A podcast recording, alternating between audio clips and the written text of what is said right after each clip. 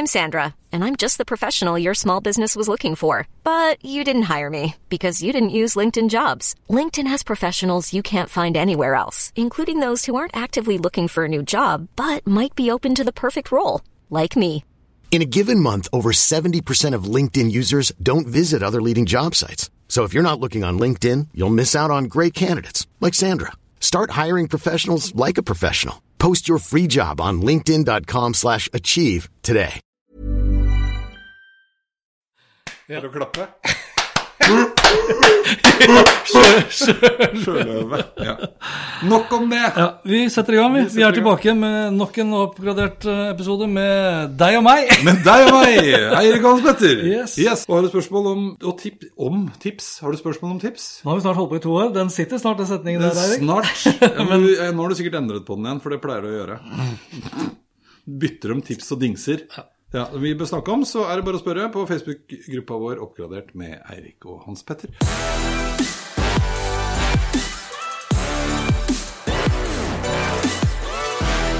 Det er veldig rart, det der. Mange, ja, for vi er på, nå tenker vi det samme, ikke sant? Ja. Den gruppa. Ja. Ja. Hva skjedde? Jeg veit ikke. Det eneste jeg vet, er at Facebook For det første så har jo Facebook vært nede og prøvd å de dekke over det. Hæ? For det andre så vet vi at også, Hvordan dekker de over det? Var det da tok de over seg, men la de ut Nei, men det, det er bare så fantastisk, fordi eh, når de skriver pressemeldingene sine, Mm. så sier de at de hadde en outage eh, som affected uh, a few of our members. Nei, det hadde en påvirkning på alle.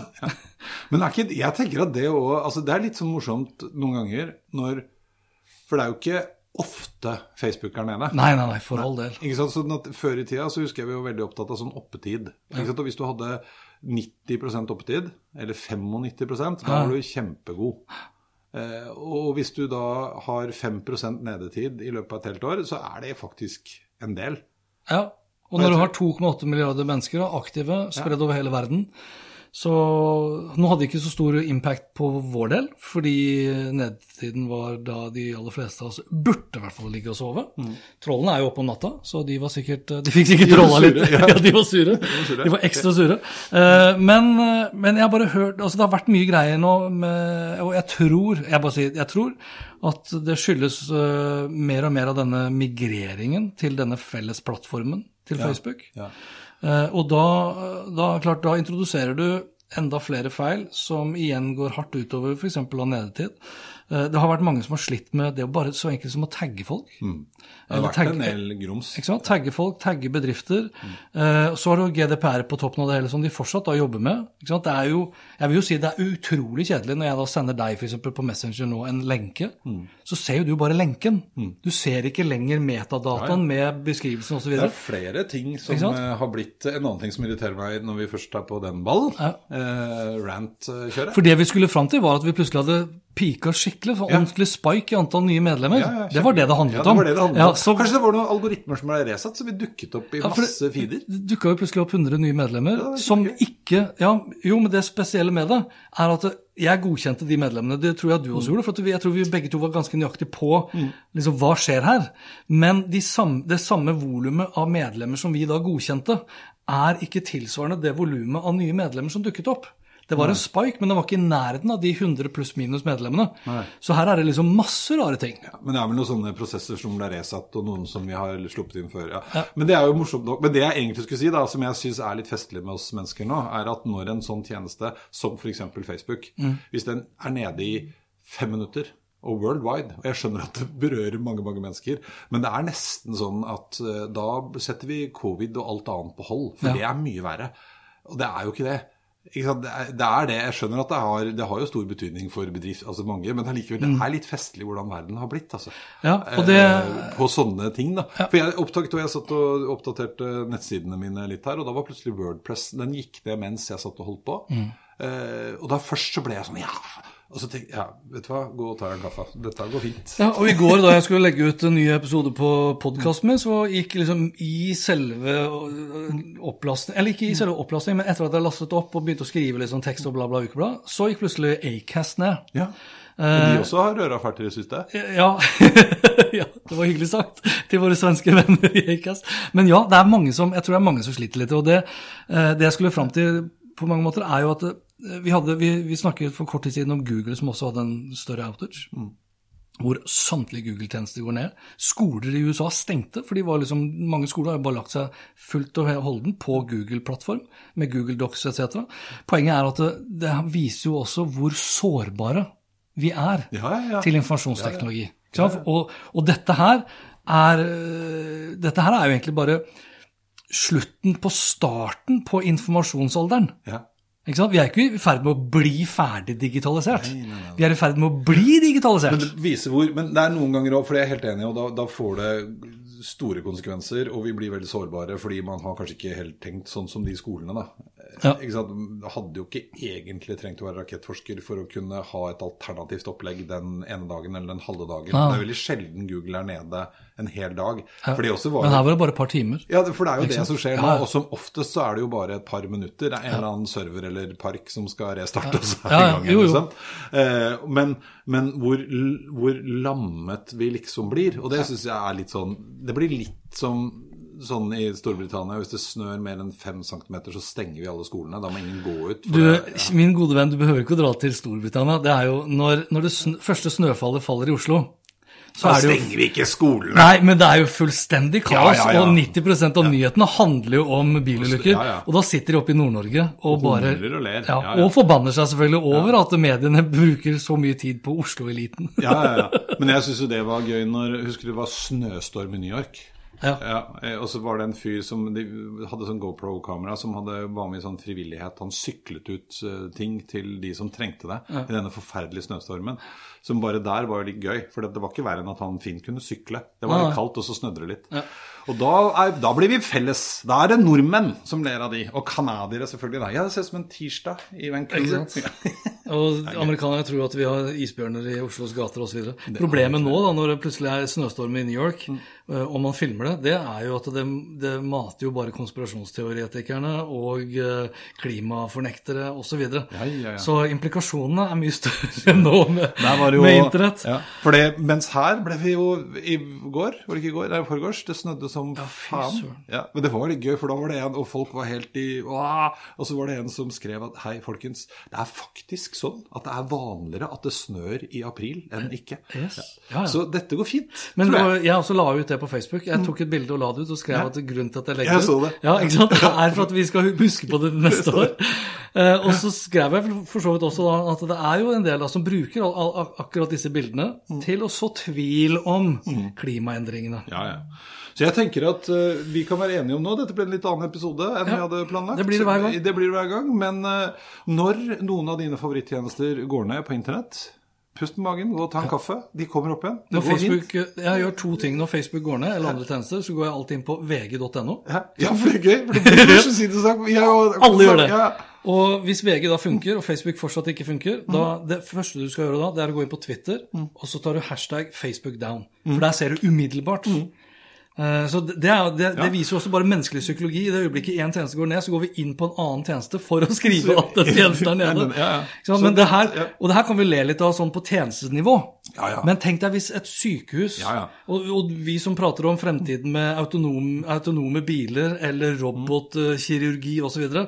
De fem minuttene den hjernekirurgen, da, som er en robot, går ned, det er litt mer eh, alvorlig. Det er litt mer alvorlig. Og da håper jeg jo at man, i motsetning til skolen i USA, har tenkt på at det er lurt å ha en backup-plan. Og den backupen heter da 'kirurger i kjelleren sammen med et aggregat'. Ja. ja, for aggregatene slår inn, og da våkner Da får kirurgene støt samtidig. Ja, da kommer de og opererer. Ja, ja. Jo, det andre jeg skulle si, var at eh, det vi kan være sikre på, er at det kommer antagelig til å snø litt i april til neste år. Eh, og folkens, det kommer snø til høsten igjen.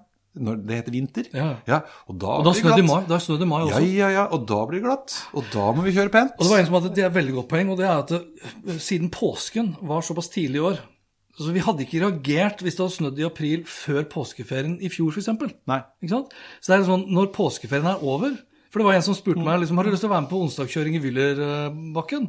Men påsken er jo over, så jeg har jo lagt opp skiene. Ja. Slalåmskiene mine ligger jo på hylla. Jeg er jo ferdig med vinteren. Ja.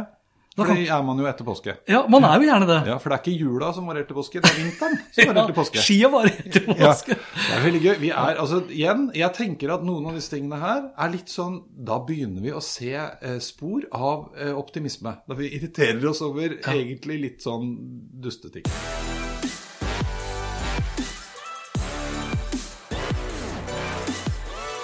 Det skal handle om nye skjermer, nye mobiler, nye droner, nye hodetelefoner, nye smarthøyttalere, nye venter. Kort fortalt, veldig mye nytt. Skal vi begynne rett på deg, Eirik? Vi begynner rett på meg. Ja, for nå syns du ikke vi skal ta innledning litt bla, bla, bla. Jeg føler at vi har tatt det. Jeg føler at vi har eh, Vi har i hvert fall tatt en lang digresjon. Lang digresjon. Det er vi veldig gode på. Jeg hadde en prosjektleder en gang jeg, som tildelte oss eh, eh, Vi fikk I sånne store møter så fikk vi tre digresjoner hver. Og det hadde hun full kontroll på. Sånn at hvis du Ja, nei, Erik, du har brukt opp dine tre. Ferdig. Gå videre. Og digresjon er jo én ting. Nå lager vi jo nye digresjoner av digresjonene. Aftenpodden f.eks. De har jo som et fast eh, program på sine episoder, så har de da obligatoriske refleksjoner. Ja. Så våre digresjoner er jo egentlige refleksjoner. Ja. Vi hadde ikke planlagt at vi skulle begynne med å snakke om øh, antall nye medlemmer, og så drar vi det helt ut da til dieselaggregater, og kirurger og snøvær. i New York. Det syns jeg er ganske godt gjort, det. Det er veldig godt gjort. Vi burde kanskje lage en egen podkast som heter Obligatoriske digresjoner. Ja, ja ikke sant? Men ja, nei, la oss begynne. Ja. Skal vi ta annenhver? Det kan vi gjøre. Så du begynner først da med jeg din eh, først. sak? Ja. Du trenger ikke å forklare hvordan annenhver fungerer. Nei. Det kan jeg. Nei, men vi har jo vårt lille sendeskjema. Det er bare greit for meg når jeg skal redigere i etterkant. Jeg kan jo få litt fot. Ja. Ja. Men da har jeg lyst til å ta altså, ja, Nei, drit i det. Ja, Begynn på din skjerm. Begynne på skjerm. Ja, da, Yes. fordi nå eh, er vi jo eh, vant til å bli mer og mer fleksible, jobbe rundt omkring. Det er jo en del ting man ser man savner etter hvert. En ting som jeg liker godt, er å ha ekstra skjerm. Ja. Eh, og det her er faktisk en liten shout-out altså, til, eh, til eh, vår felles eh, venninne Vigdis Østerheim. Ah, Er det hun som fikk det på? Hun tips, eller ikke tipset, hun la den ut, og så spurte jeg eh, hva det var for noe. Men det er altså en ekstra skjerm eh, fra eh, Lenovo, er det ikke det det? Jo, det er Lenovo. Ja. Og det er egentlig litt, ja, det er litt morsomt at det, Jeg har jo prata titt og ofte om Lenovo. ja, ja. Det er jo gamle da IBM, ThinkPad-kameratene. Det er lenge siden, da. Ja. Ja. Men hvorom alt er De har laget Altså IBM solgte, det er bare viktig å merke. da. Det er ikke IBM som rebranda seg til Lenovo. Nei, det skjønte jeg. Det er- IBM solgte ut PC-divisjonen. Ja. Hvorom alt er. Hæ? Hvorom alt er. Lenovo lagde, eh, har laget en 14-tommers eh, LCD-skjerm, den her, som veier 570 gram. Den kan klappe sammen og ligger i en liten sliv som nå ligger under masse annet. Men den er altså så liten og så kompatibel at jeg helt fint får den nedi bagen min sammen med maskinen. Så jeg kan ha med meg en ekstern skjerm. Eh, og den drives av USBC-kabelen. Den er kompatibel med alle enheter som da har denne avanserte USBC-porten. Eh, jeg prøvde på en gammel maskin som hadde USBC-port. Der virka det ikke. Nei. Men den må ha den avanserte, hva nå enn det betyr, men av litt nyere tid. Jo, den skal tåle både strøm og bilder, Riktig, ja, blant annet. riktig. Så den driftes av det. Det er et uh, uttak på hver side. Den har denne fine flappen sin og en sånn dings under. Eh, Det jeg brukte den til aller først, det var egentlig nå som vi har så mye digitale foredrag, så er det greit å ha en ekstra skjerm og se notater på når du både skal være på Teams og Ja. eh, sant, ha presentasjon og kameraer og hele kjøret. Jeg så, jeg skal prøve å finne fram til det før vi legger ut episoden. For jeg så, Nå passer jo ikke det til vår, vår øh, laptop, da. Men jeg så et sånn kickstarter-prosjekt hvor du da festa Ja, en sånn anordning, sånn at du hadde den skjermen På du bare slida inn, så bare Ja. du trakk den ut. Det er er også kult. Ja. Men den liker den veldig godt, eh, også fordi at det ikke er liksom strøm og batterier og drit. Den er lett og elegant, og faktisk ganske så bra kvalitet på selve skjermen. Eh, og du kan koble til eh, flere ting Eller altså det er en USBC på hver side, og så er det lysstyrke og av og på-knapp. Og det er det. Veldig, veldig praktisk. 2899 står det, Ja. inkludert moms og levering, faktisk, på lenovo.com. Og fantastisk på tur. Og veldig praktisk hvis du skal holde typ digitalt eh, foredrag eh, og, og sånne ting. Og da hadde jeg lyst til, hva jeg skulle si stad Kan jeg også bare legge til en Ja. sak som jeg bare så her umiddelbart, fordi det er litt viktig å nevne. Den har en lys, lysstyrke på kun 300 nitt. Ja. det er veldig lite. Ja. Så sitter du med den ute i en park f.eks. og Ja, nei, sollys det funker ikke. Nei. Det, funker, det er helt riktig. Jeg prøvde den ute på terrassen. Men allikevel. allikevel utrolig eh, praktisk. Og så veit jeg òg at eh, altså Apropos sånn det kickstarter-prosjektet du sa. Det er jo også sånn at er man eh, ivrig iPad-bruker Mm. av nyere versjon, så har jo de denne sidecar-funksjonen sin vet du, i, som Ja, Mm. ja. allerede er bygd inn. Da kan du bruke iPaden din som en ekstra skjerm. Men eh, veldig fin, og den er jo langt billigere enn en iPad, da, hvis man ikke I hvert fall med litt størrelse på. Ja, ja, for den er 14 tommer, ja. Ja. Ja, Du får vel eh, de 10-tommers iPaden, eh, altså den, gamle, den, hva heter den, femte-sjette generasjon med home-knappen, får Ja. du vel til tilsvarende pris. Ja, det tror jeg nok. Men uh, Men jeg likte det, og, og den veier jo mer. Ja, ja, ja. Nei, det var, det var et eller annet med det. Ja, det er liksom så, den er laget Det, det, det syns jeg ofte vi kommer litt tilbake til. Ikke så Det er litt som med Remarkable, som kunne putta på mye mer greier i brettet sitt, men de har liksom holdt seg til å være en skriveplate. Ja. Her er det heller ikke masse annen mikk. Nei, for det er ikke noe touch. Det er ikke noe det er touch, bare, det, det er bare, skjerm. en monitor. og den, Derfor så er den ikke, sant, ikke grisedyr, og den er lett og fin, for det er ikke batterier, og det er ikke meningen at du skal kunne bruke den til noe annet. Det er det den er til. Ferdig. Vi testa den litt i sted, og det også er jo verdt å nevne. som du sier, Det er jo ikke noe batteri, det er ikke noe strøm. Alt sammen er jo levert da fra den. Og det er heller ikke høyttalere. Heller ikke høyttalere eller mikrofoner eller kamera eller noen ting. Det har du andre steder. Uh, og så hadde jeg lyst til bare å ta med uh, For jeg la ut en liten film her for litt siden. eh, det var litt sånn i relasjon til det å bruke den til presentasjoner, og nå som man jo naturligvis ofte har digitale eh, foredrag eller presentasjoner i møter, for den sakens skyld. Og en ting som vi alle opplever når du da er inne i Teams eller Zoom eller Whereby eller hva nå enn det måtte være, og du skal kjøre presentasjon, ikke sant? så kjører du opp deler skjerm, og så kjører du opp presentasjonen din, så tar jo den over skjermen eller skjermene. Ja. Eh, og Ja, ja. da ser du ikke Teams-rommet, du får ikke med deg eventuelle chatter, du ser ikke de andre deltakerne nødvendigvis. Og det som er kult i Keynote, og jeg vet ikke om dette fins i, i PowerPoint og på PC, men Keynote, presentasjonsverktøyet på Mac, har jo nå en mulighet til å kjøre presentasjon i vindu. Du velger istedenfor Play vanlig, så går du på Play-menyen, og så ligger det da et valg der som heter eh, Vis presentasjon i vindu. Og Da åpner den et eget vindu hvor den kjører slidesene dine i. Og det nye nå nylig, dette kom før jul i fjor, eh, det nye nå eh, er at den i tillegg har presenter view i et annet vindu. Eh, som gjør at jeg kan ha presenter view her, jeg kan ha Teamsen min er der. Eh, og da deler du ikke skjermen din, men da deler du applikasjonsvindu. Ja. Eh, og det er faktisk utrolig fint. Og særlig eh, Jeg har fått mange tilbakemeldinger. Er, vi legger ut lenken til den filmen hvor jeg viser hvordan Ja. vi gjør det. Men også folk som, altså konsulenter som skal fasilitere en workshop, f.eks. Hvor du ofte da er vant til å bytte mellom Du står i rommet, og så har du en presentasjon hvor vi skal gjøre ting. Da kan du på en måte få til litt det samme. Da. Mm. Være en del av møtet samtidig som du har presentasjonen. Da. Det virker som de er litt sånn øh, Hva heter det? Inspirert av Zoom. Mm. For i Zoom er det jo lett sånn sett å bare si at jeg skal ikke dele skjermen, jeg skal dele et vindu. Og så legger du Det er ikke sånn at du kjører opp da powerpointen da, som jeg bruker. av en eller annen grunn så er det liksom bare Office-pakka har bare blitt med meg hele tiden. Ja, ja, ja. Men jeg kjører jo da bare et vindu som er da i presenter view, ikke sant? sånn at jeg har vinduet som er sliden. Så kan jeg fortsatt da se neste slide, og jeg kan se notatene under. Mens de som sitter og ser på, de ser bare da vinduet.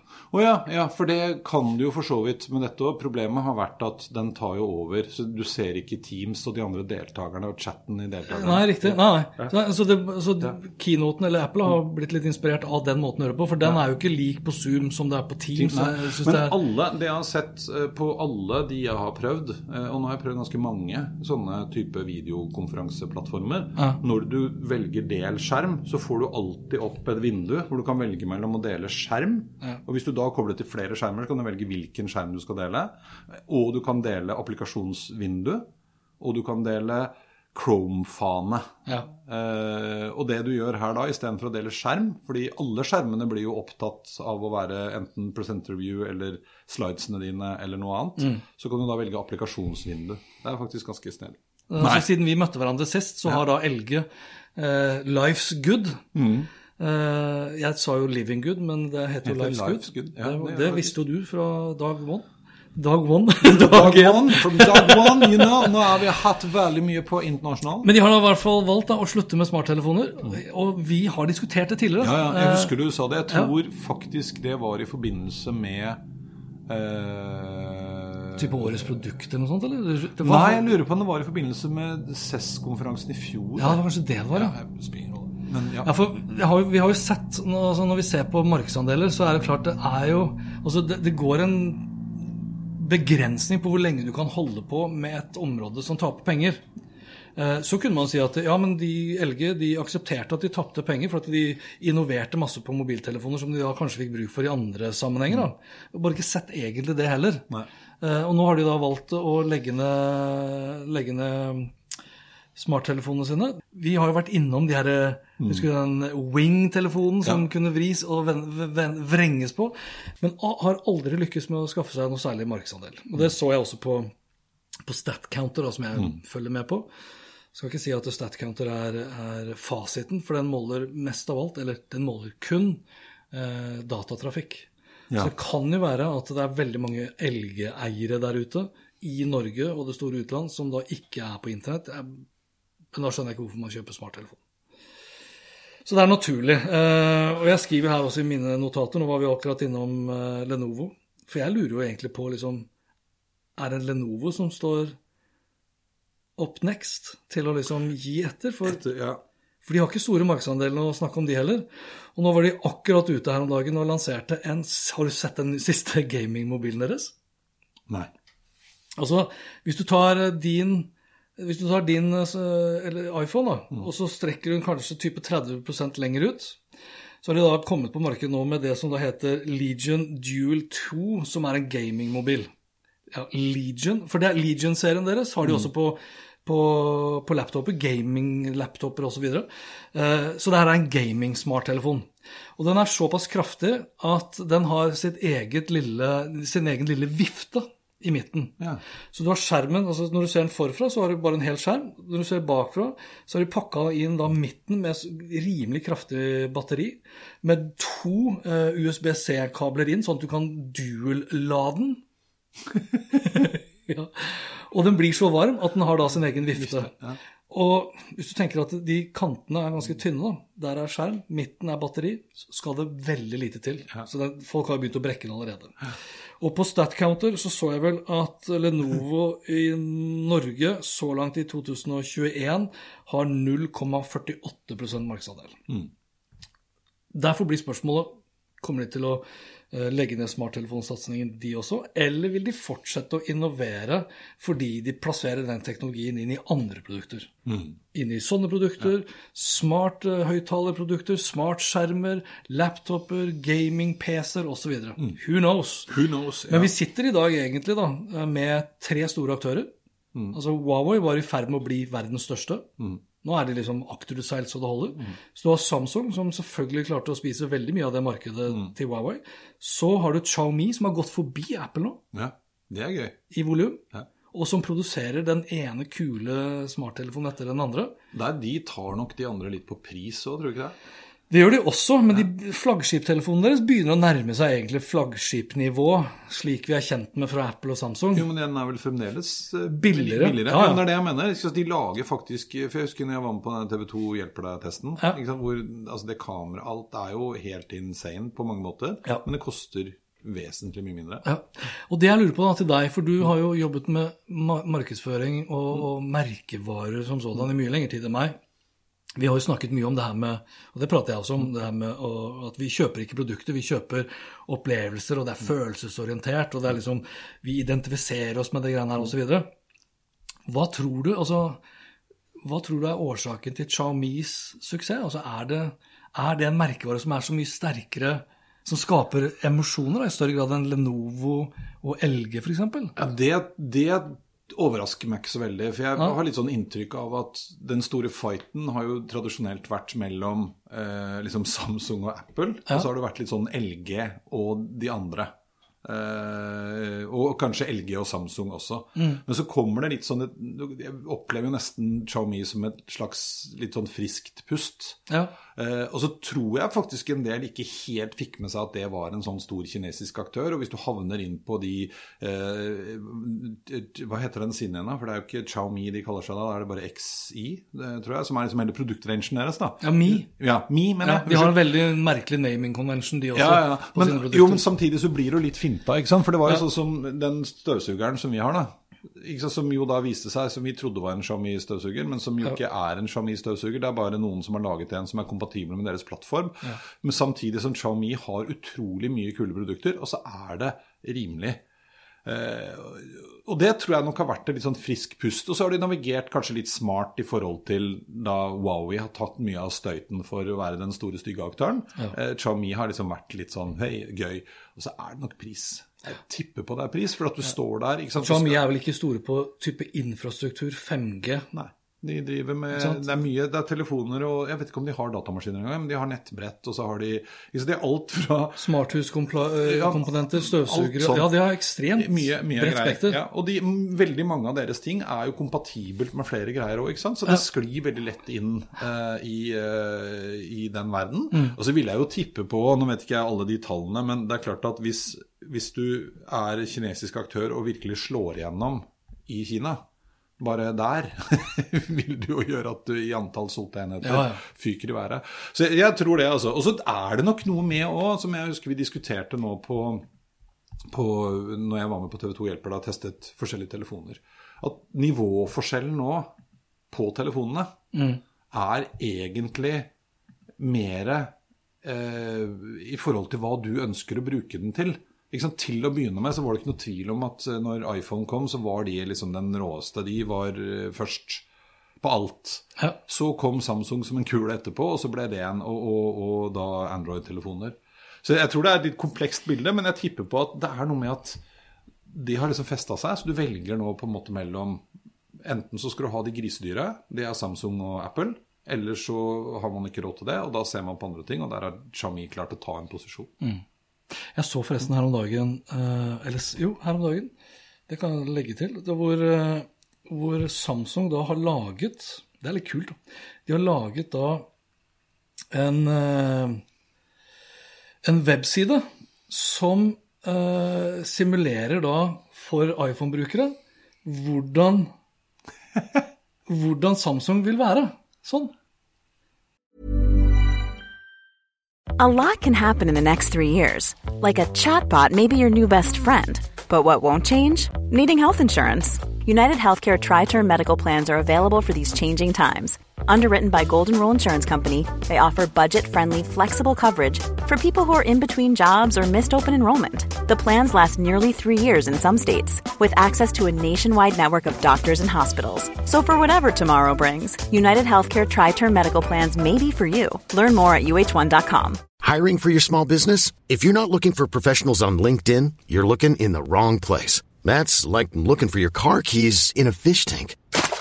LinkedIn helps you hire professionals you can't find anywhere else, even those who aren't actively searching for a new job but might be open to the perfect role. In a given month, over 70% of LinkedIn users don't even visit other leading job sites. So start looking in the right place. With LinkedIn, you can hire professionals like a professional. Post your free job on linkedin.com slash achieve today.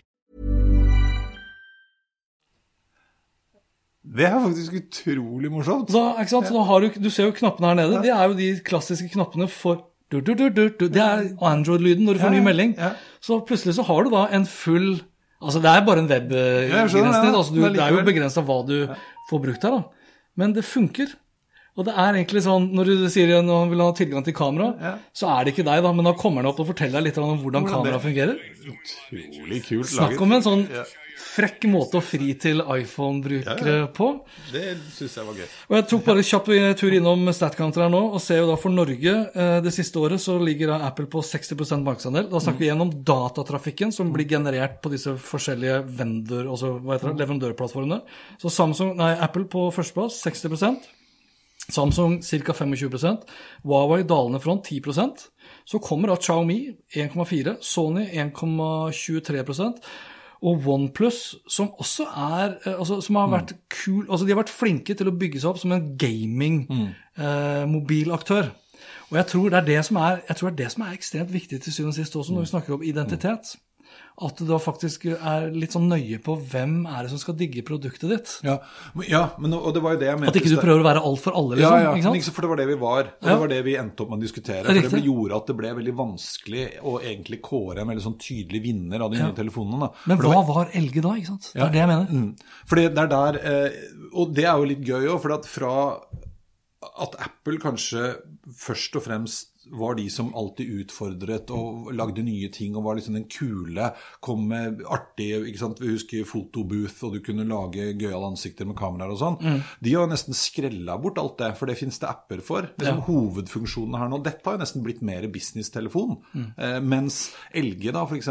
fokuserer veldig på drit... Nei, unnskyld, Samsung. Eh, på kameraer og eh, eh, ting til det. Ja. Eh, AI-en i eh, for så vidt da Wowie-telefonen, som en fototelefon. eh, OnePlus, som da er veldig gamertelefon. Der er oppdateringsfrekvenser og kapasitet og hastighet. Sånn at du må Telefonen blir nå kanskje laget mer for veldig sånne spesifikke grupper, da, brukergrupper. Og da er det ikke business og pleasure som det var før, men nå er det liksom mye mer eh, delt opp, da. Og det er der jeg tror egentlig også da LG har en utfordring. For uh, Sorry, ikke LG. eh, Lenovo har en utfordring. For hvis du spør 100 på gata eh, om laptoper eh, og, og Lenovo, så vil de fleste tenke at det er liksom business, eh, det er arbeidsstasjonene. Og det å være da en seriøs aktør for businessfolk, samtidig som du lager mobiltelefoner som er mer gamingforbruker, så blir det nesten som Toyota Lexus. Ja. At du klarer ikke å være igjen da like kul for så altså så yin-yang, da. Ja. Ikke sant? Så jeg tror, må, jeg tror de må velge ut ja, altså, hva de skal være rå på. Og så er det jo litt gøy òg, altså sånn så mye frykt det har vært i forbindelse med Huawei og Kina, da, for eksempel? Og, og alle diskusjonene rundt det. Og så når det kommer til stykket, så ser vi da at Xiaomi, som er like nydelig kinesisk som uh, Huawei, de raser oppover på listene. Ja, ja. Så det gjelder til et punkt. Ja. Så er det ikke så nøye likevel. Er det Nei. ingen overveiende grunn til å tro at de forholder seg noe særlig annerledes til kinesiske myndigheter? Nei, men igjen, altså, har du ikke, du har ikke 5G Nei, nei, ja, det er enig. Altså, det er jo, jo, men det er jo også en del av diskusjonen som de fleste på gata ikke veit. Det de har fått med seg, er at Huawei. Det er mobiltelefonen, som jo òg ble litt gøy. For det var jo sånn, den skulle alle boikotte. Mens det spilte jo egentlig ikke en dritt rolle. fordi hvis det var informasjonen de ville ha tak i, så hadde de jo alle mastene og hele kjøret. Ja. Og nå som vi, Det var jo en sånn ny rapport her nå, for jeg husker ikke hvem det var som lanserte den i USA, om det var Harvard eller hva det var, som også avdekket f.eks. at eh, Google, altså Android, Mm. gir fra seg eh, åtte ganger så mye mer informasjon om deg Ja. som det Steve Jobs, holdt jeg på å si, Tim Cook og Apple gjør. Ja. Det vil jo selvfølgelig da ikke Google eh, godta og akseptere og mene at undersøkelsen er feilaktig Feil, ja, ja. laget osv. ja, og hvis vi skal gå ned Nå skal vi ikke det, da. For det, men jeg La oss det er- droppe disse rabbit holes nå i dag. ja, ja, ja. Jo, men jeg syns jo det er litt morsomt og fascinerende at folk av en eller annen grunn ikke tror, virker det som, at eh, de store amerikanske aktørene eh, Hvis de amerikanske myndighetene vil ha tilgang til informasjonen til Facebook, så tror jeg nok kanskje de får det. Det er Ja. noen sånne acts her og der som altså, De er ikke så ja. Samme! De blir jo- Hva er det du skal snakke om i dag, Hans Petter? Vi går ned i det hullet, vi skal ikke dit nå. Nei, nei, vi skal ikke dit. Men jeg tror kineserne kunne vært tjent med Ja, men hør nå. Altså, for, hva er det som gjør at vi tror mer på amerikanerne? Mm. amerikanerne er flinkere til å, å ordlegge seg på en måte som skaper litt større grad av tillit. Så er det vel den gode gamle øst- og vest-diskusjonen, da. Jo da, Den men er når- ganske prega ennå. Jo, jo, men nå, for eksempel, nå, nå har jo han eh, Joe Biden Han har jo ikke akkurat roa ned eh, den krigen, den teknologikrigen mellom USA og Kina. Tvert imot. Eh, Og når, eh, når Kinas respons er liksom Amerika, USA er bøllete altså Det blir så, det blir så Ja, ja. barnslig Ja, retorikk. jeg. Men jeg tror jo utgangspunktet er jo liksom Det har jo vært sånn at Russland og gamle Sovjetunionen og Kina er Ja. fiender, eh, og vi i Vesten er de snille. Eh, bare- det er jo sannheten òg. Ja, jo. Ja. og vi skal tilbake igjen til Kina. Det er veldig gøy. Til den her. Jeg med har- kamera og mikrofon. Med kamera og Nei, den har ikke mikrofon, tror jeg. Bare kamera. Den har bare kamera. Altså, det her er Ser man den? Ja, den ser man jo kjempefint. Det er batteriet. Batteriluken. Ja. Ja. Det der er en eh, Den heter Nabot. AI. Nabot AI. Ja. Og det det er, er egentlig eh, For den er jo ikke verken smekker eller lekker eh, på noe som helst vis. Den ser ganske plastic fantastic ut. 1,2 kilo eller noe sånt? Ja. Eh, Men dette er en eh, AI-basert eh, robot. Det er vel for så vidt kamera der som har noe greier i seg. Og så er det da selvfølgelig en applikasjon som også har noe i seg. Og så er greia at dette er ment for undervisning og utforsking og læring og leking. Eh, For å eh, se hvordan roboter fungerer. Men lærer han noe? Ja, det er det som er gøy. For at du kan Så det er machine learning, liksom? Machine learning. Eh, og det den gjør, f.eks., er at jeg kan da gå inn og programmere den, og så sier jeg da, for det er et sånn super Når du sier programmering, få høre, hva legger du i det? det er, Dette er sånn super ferdigdefinert Ja. eh, trekke blokker. Ja, okay. Men eh, du kan også bruke Python, er jeg ganske sikker på. Oh, ja. Så du kan laste opp dine egne ting. Men det er gøy med liksom det som er laget på forhånd. Og da er det så enkelt og så visuelt at du tar liksom bygge Det er movements, du kan styre de forskjellige delene. Eh, og så kan jeg si at du skal nå finne et objekt. Og da når jeg går inn og trykker på objekt, så aktiveres kameraet, og så kan jeg ta bilde av Jeg kan bestemme hvilket objekt den skal finne. Og da lærer den seg det bildet. Og, da, når jeg, og så kan jeg si at uh, du skal finne objektet, og så skal du kjøre bort, og så skal du plukke det opp, og så skal du putte det i en destinasjon. Og så kan den da ta bilde av hva den destinasjonen er, og så skal den lære seg det. Og da når jeg skrur den på, så vil den da prøve å finne det objektet. Hvis den finner det, kjører den bort, prøver å ta tak i det. Klarer stort sett det hvis ikke du prøver å utfordre den Ja, med den Med den kloa der. Ja. Jeg prøvde med en colaflaske, den var selvfølgelig for tung, i og med at den var full. da. Ja, ok. Eh, ja, eh, og så tar den den, løfter den opp, og så begynner den å bruke kamera og lete etter det stedet du har sagt at du skal sette den fra deg. Det må jo være en ganske distinkt greie, men allikevel, det funker faktisk. Men okay, så når han da, da- Men snurrer den seg i 360, eller bare går den rundt sånn uvilkårlig Nei, da i som en- ja, for de har liksom begrensa det litt. Grann. Så det er først 360. Det kan du også velge, faktisk. Ja, okay. Så du kan programmere. Men det var ganske fascinerende, og det er ganske lærerikt, og det er litt morsomt. Og for når den da finner det objektet de Mm. første gangene, så spør den er dette riktig. Korriger meg hvis jeg tar feil. Eh, sånn at du kan da lage to objekter som er relativt like hverandre. ikke sant? En gul boks og en grønn boks. Ser den boks? Nei, det var den grønne jeg skulle ta. Da er gul boks feil. Og da vil den lære seg det. Og det er jo enkel på en måte maskinlæring. da. Ja, ja. Eh, Så ganske fascinerende og ganske kult. Og den kan også automatisk eh, skille på mennesker og dyr. Og da kan du Alle mennesker, eller? alle mennesker i hele verden. Nei, men altså, alle, altså hudfarger og alt mulig? Ja, det veit jeg faen. Eh, Jeg, jeg har ikke sjekka. Jeg skjønner at jeg er et menneske. Ja, ja. Ja, og da får du, kan sånn follow person. Ikke sant? Og da Hvis den ser en person, så kan den ta en generell person og følge etter. Eh, eller et dyr. Og Det er også litt gøy, for da kan du, hvis du har husdyr f.eks., så kan den drive og løpe rundt og plagge katta di. da. Den kjører ikke så veldig fort, så den katten stikker nok ganske fort. Men det er et morsomt konsept. Pick up cat, liksom? Så bare Ja. Batteriet står i Hva snakker vi om av kostnader her? Altså, for du er jo, det må jeg bare si, at du er jo den personen jeg kjenner som kjøper veldig mye nye ting som du bruker i en veldig lifespan. Ja, men det er jo for å teste sånn som her. Er riktig. Ja. Eh, Nei, den koster et par tusen kroner. Ja.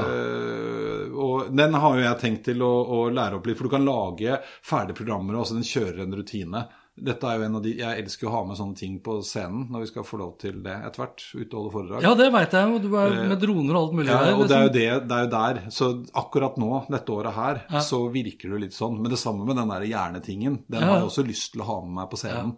Ikke sant? Og da er det noe med den fascinasjonen folk har, og jeg kanskje spesielt, da. Men det er både Jeg syns jo det elementet med å ha med noe som kan gå på trynet på scenen, Mm. er litt gøy. Eh, og så syns jeg det er morsomt å reagere, eller se hvordan folk reagerer.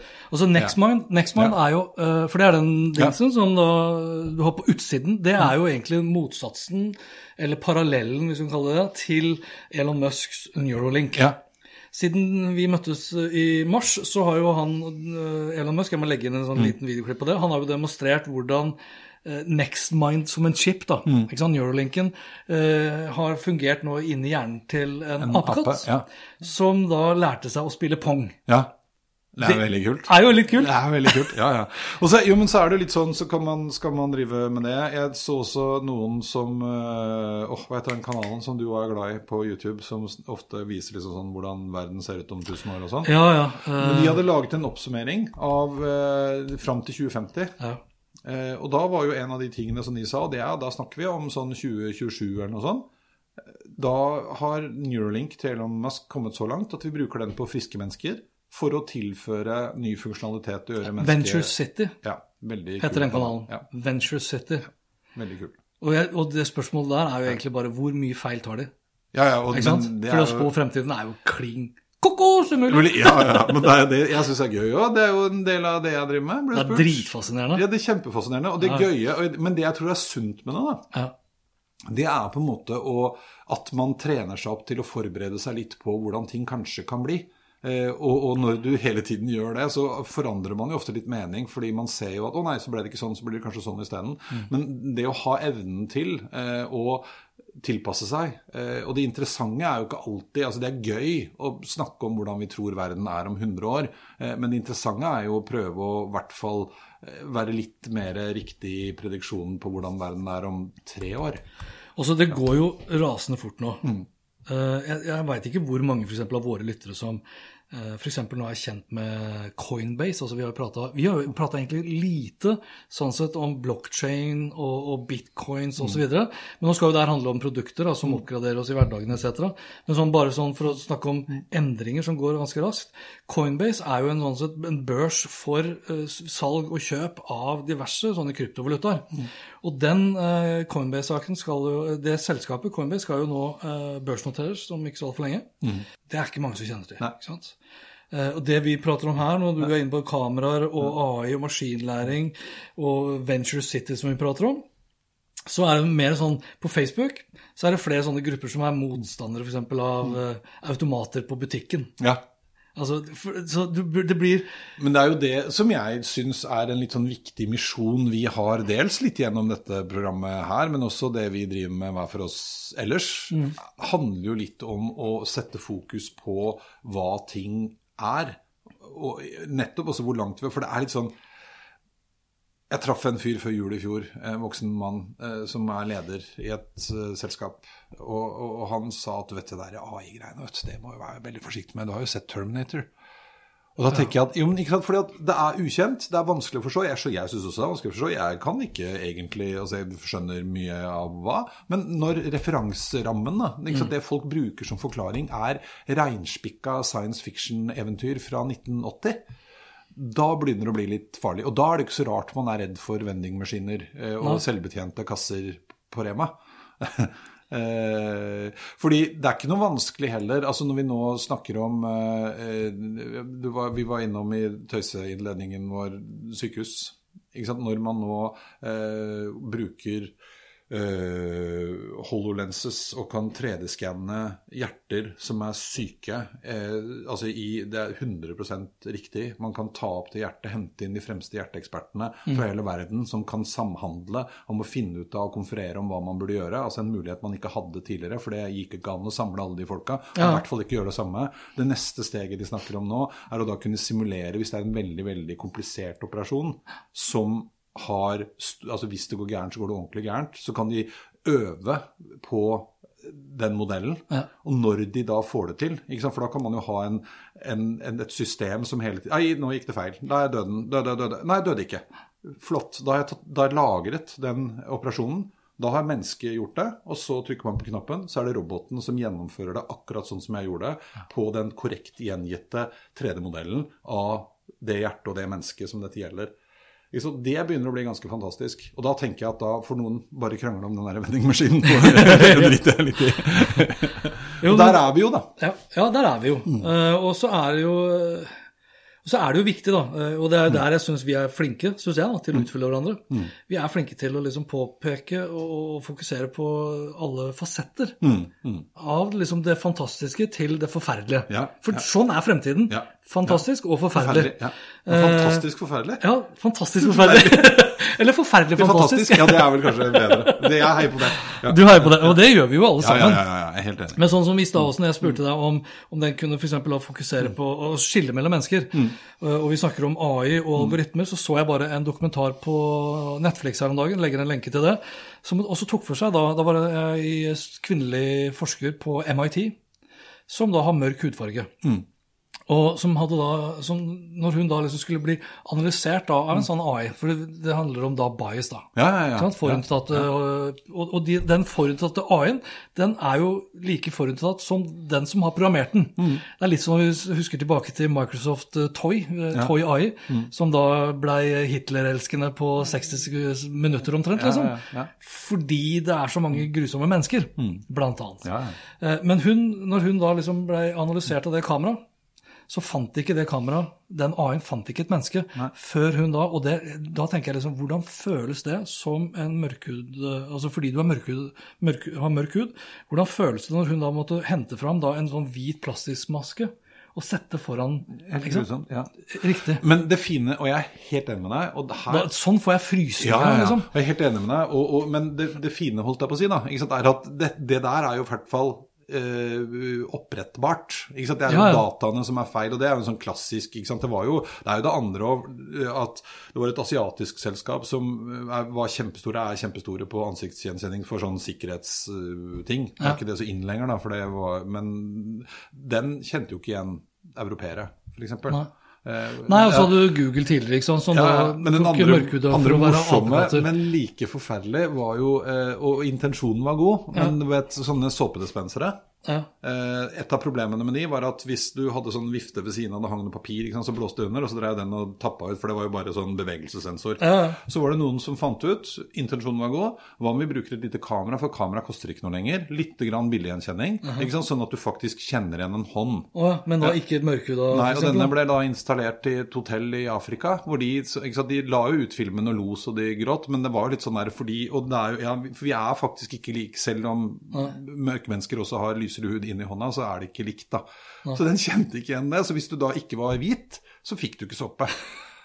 Og det er jo sånn, Ja, vi kan le av det, men det er grusomt. Men heldigvis, de tingene der blir vi jo flinkere og flinkere til. Og Der bruker man jo faktisk også nå kunstig intelligens nettopp for å jevne ut og øke kvaliteten på læringsdataene. ikke sant? Eh, For å, å, å ta bort liksom kjønnsdiskriminering og rasediskriminering og alt det her.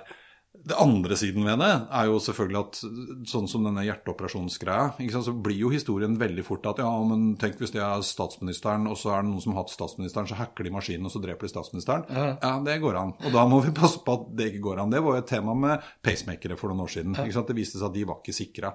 Og der ble jeg også litt sånn forundret. ikke sant, Dette må vi bli gode på. Og, og, og så er det misbruk av data. og så er det, ikke sant, og det Altså, er bare- altså- kompleks verden. Det er det. Ja, det er kompleks. Og jeg er litt sånn bekymra over at eh, eh, Altså, jeg, jeg mener at vi bør være mer skeptiske, da. Eh, fordi eh, nå ser vi f.eks. Erna Solberg vil innføre nå at vi skal å, de skal få lov til å lagre IP-adresser over lengre tid. Og intensjonen er jo god. Alle som er, alle som er eh, lovlydige i dette landet her, vil jo si at ja, det høres jo fornuftig ut at de skal få lov til å lagre informasjon om deg og meg over lengre tid, slik at de ikke da kan fucke eh, folk som da driver med seksuelle overgrep mot barn, f.eks. Mm. Eh, målet helliger middelet osv. Ja. Problemet har bare, er at eh, de, de endringene da, som er invaderende på vårt eget, eget privatliv, de er såpass små at vi merker ikke det i det store og hele. Altså I UK, altså England, Storbritannia, så har de vel 7-8 millioner sånne CCTV-kameraer. Overvåkningskameraer, som da i mange tilfeller også da blir utstyrt med ansiktsgjenkjenningsteknologi, hvor de ser helt åpenbart at eh, screeningen av da spesielt da, folk med mørk hudfarge havner fort i en sånn fellesbås for du er kriminell.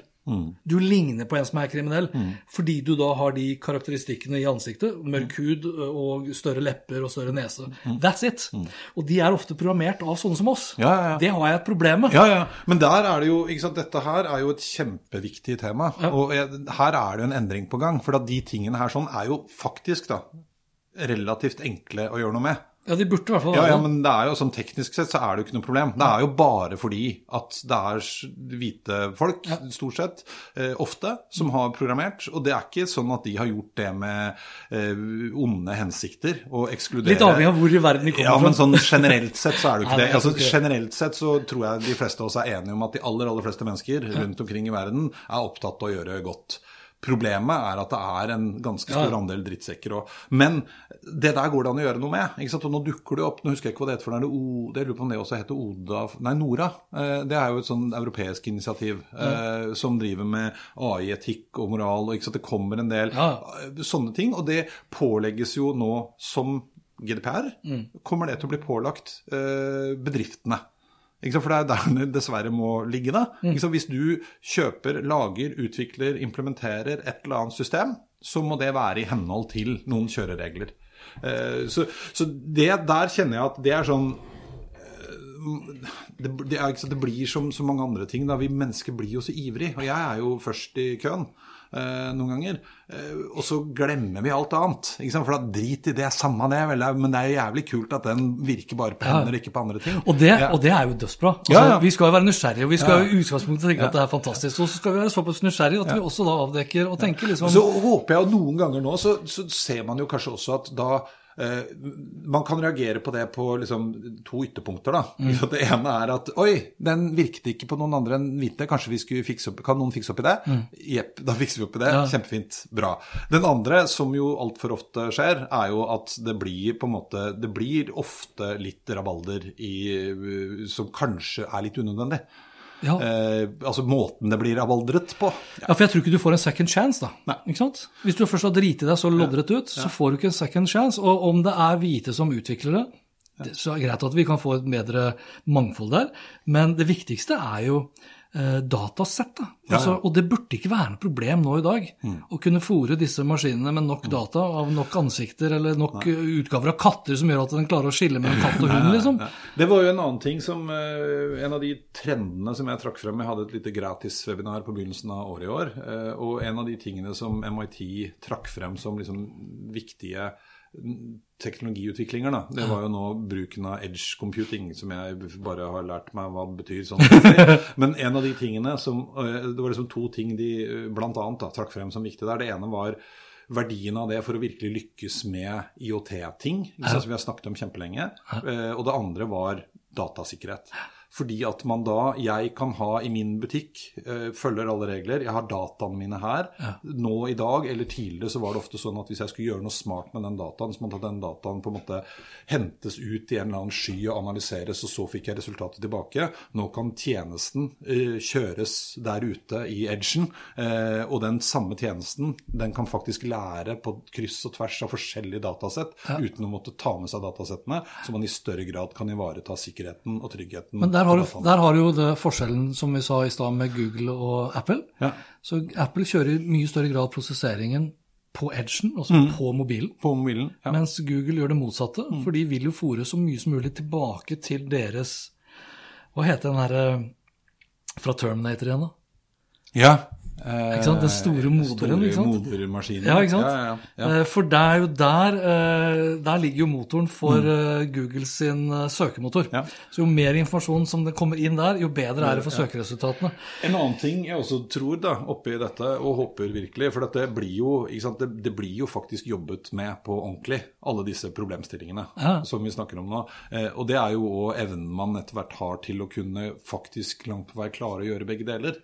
For at Hvis de dataene, de, de viktige karakteristikkene ofte, men de dataene for Google sin del, er jo ikke at det var Hans Petter Nygaard Hansen sine data. Det er jo Nei. ikke sant, sånn at Hvis man klarer, og på en trygg måte og beviselig måte, og sånne type ansvar og reguleringer kommer også til å komme. ikke sant, Det er mitt ansvar å sørge for at anonymiteten blir ivaretatt, mens karakteristikkene, de kan vi bruke. Mm. Og det vil være en fordel. Ja. Og der har vi jo Nå, nå, skal jo det her cookie-loven, f.eks., ikke sant. Eh, Google vil jo gjøre endringer der nå på hvordan de samler inn data for å lage publikum. Mener at det de har kommet opp med er 95 eh, treffsikkert sammenlignet med hvordan de har samla inn personinformasjon per dags dato. Ja. Så har du da Apple som, eh, som også da gjør endringer på det her IDF, nei, IFDA.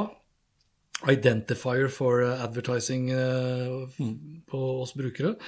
Så har, for å da styrke personvernet. Eh, Og så jobbes det da selvfølgelig fra andre selskaper, inkludert enkelte selvfølgelig da i Kina, for å lage alternativer til det, for å bypasse akkurat det systemet. Så det er, sånn her, det er sånn uh, krig hele tiden mellom det gode og det onde. Og det handler jo da, uh, kort fortalt, eh, hvis vi skal dele internett i tre i dag, så bruker jo Kina mye innsats på personinformasjon for å ha sosial kontroll. Overvåking og kontroll. Amerika veldig mye på det kommersielle. Jo mer data, jo mer bedre markedsføring. Europa mer på da regulering. Så går vi videre. Men det her, er, det, er, altså, det her er viktige samtaler, og jeg tipper at de som, de som ser og hører på nå i dag, om de går spoler ett år fram i tid, to år fram i tid, så er, det, så er jeg også spent, spent på liksom, hvordan er samtalen da? Hvordan er narrativet? For det skjer så grisfort nå. Og så er det jo litt spennende med det du sa nå, da. For at liksom intensjonen, eller det man i hvert fall antar er greia med Asia, eller Kina, kontra USA, eh, så er det jo litt sånn at de gjør jo basically akkurat det samme. Ja, ja. Bare at hensikten ja, Men den bryteren til USA for å slå om. eh, For det er også sånn argument som jeg blir litt sliten av. Ja, men tenk hvis det blir en diktator eh, om 40 år. Ja, Da er det jo ikke teknologien som er problemet, da er det jo at vi har fått en diktator. Ikke sant? Det hadde vært dritt hvis Hitler levde i dag eh, og hadde tilgang til alt Han hadde det. vært helt rå på sosiale medier. Ja, jeg skal love deg. Ja, ja, ja, men, og ikke bare det, men sant, systemer og, for å kartlegge og overvåke og finne. Og? Så, så det er jo på en måte et skille der òg. Men jeg tror jo, at, jeg tror jo eh, at vi går mot en verden som kommer til å bli mye strengere regulert. Og så kommer det også, litt som vi begynte å snakke om aller først når Facebook var nede og ting som ikke virker og sånn, en del av de tingene som de store aktørene gjør nå i forhold til GDPR-reglene, er jo at de skrur av en masse funksjoner fordi at de orker ikke, kan ikke, gidder ikke å forholde seg til det. Som jeg jo da merker at gjør opplevelsen min dårligere. Ja, ja, ja. For det er sånn nå at hvis jeg søker etter en person på Facebook så Før så fikk jeg alltid opp liksom de jeg kjente og de jeg hadde kanskje mest kontakt med først. Nå får jeg plutselig opp en hel haug med folk jeg aldri har møtt før. Eh, fordi at nå har de tatt Ja. bort noen av og det, er, jo, men, og det er jo fordi vi, vi har GDPR. Og da blir det jo litt sånn som jeg tror du har sagt eh, smart òg, at det er noe med at personvern langt på vei er litt gone. Og så blir det et forhold mellom verdi og eh, nytte, og ikke. Ja. Ja, og hvis jeg syns det er eh, nyttig nok, så kommer det til å komme en eller annen greie hvor jeg kan si at du hva, fuck it, jeg vil ha det allikevel, så får dere lov til å bruke det. Mm. Eh, og så øh, blir det sånn.